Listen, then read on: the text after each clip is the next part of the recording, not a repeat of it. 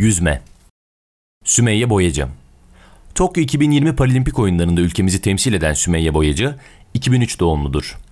Eskişehir Büyükşehir Gençlik ve Spor Kulübü sporcusudur. Paralimpik oyunlarına ilk kez katılan Sümeyye Boyacı, 2019 Dünya Şampiyonası'nda 50 metre sırt üstünde gümüş madalya kazandı. Boyacı, 2018 Avrupa Şampiyonası'nda 50 metre sırt üstünde altın madalya, 50 metre kelebekte ise bronz madalya kazandı. Tokyo 2020'de ülkemizi 100 metre serbest, 200 metre serbest, 50 metre kelebek, 50 sırt üstü, 4x50 serbest karışık bayrak takımında temsil ediyor.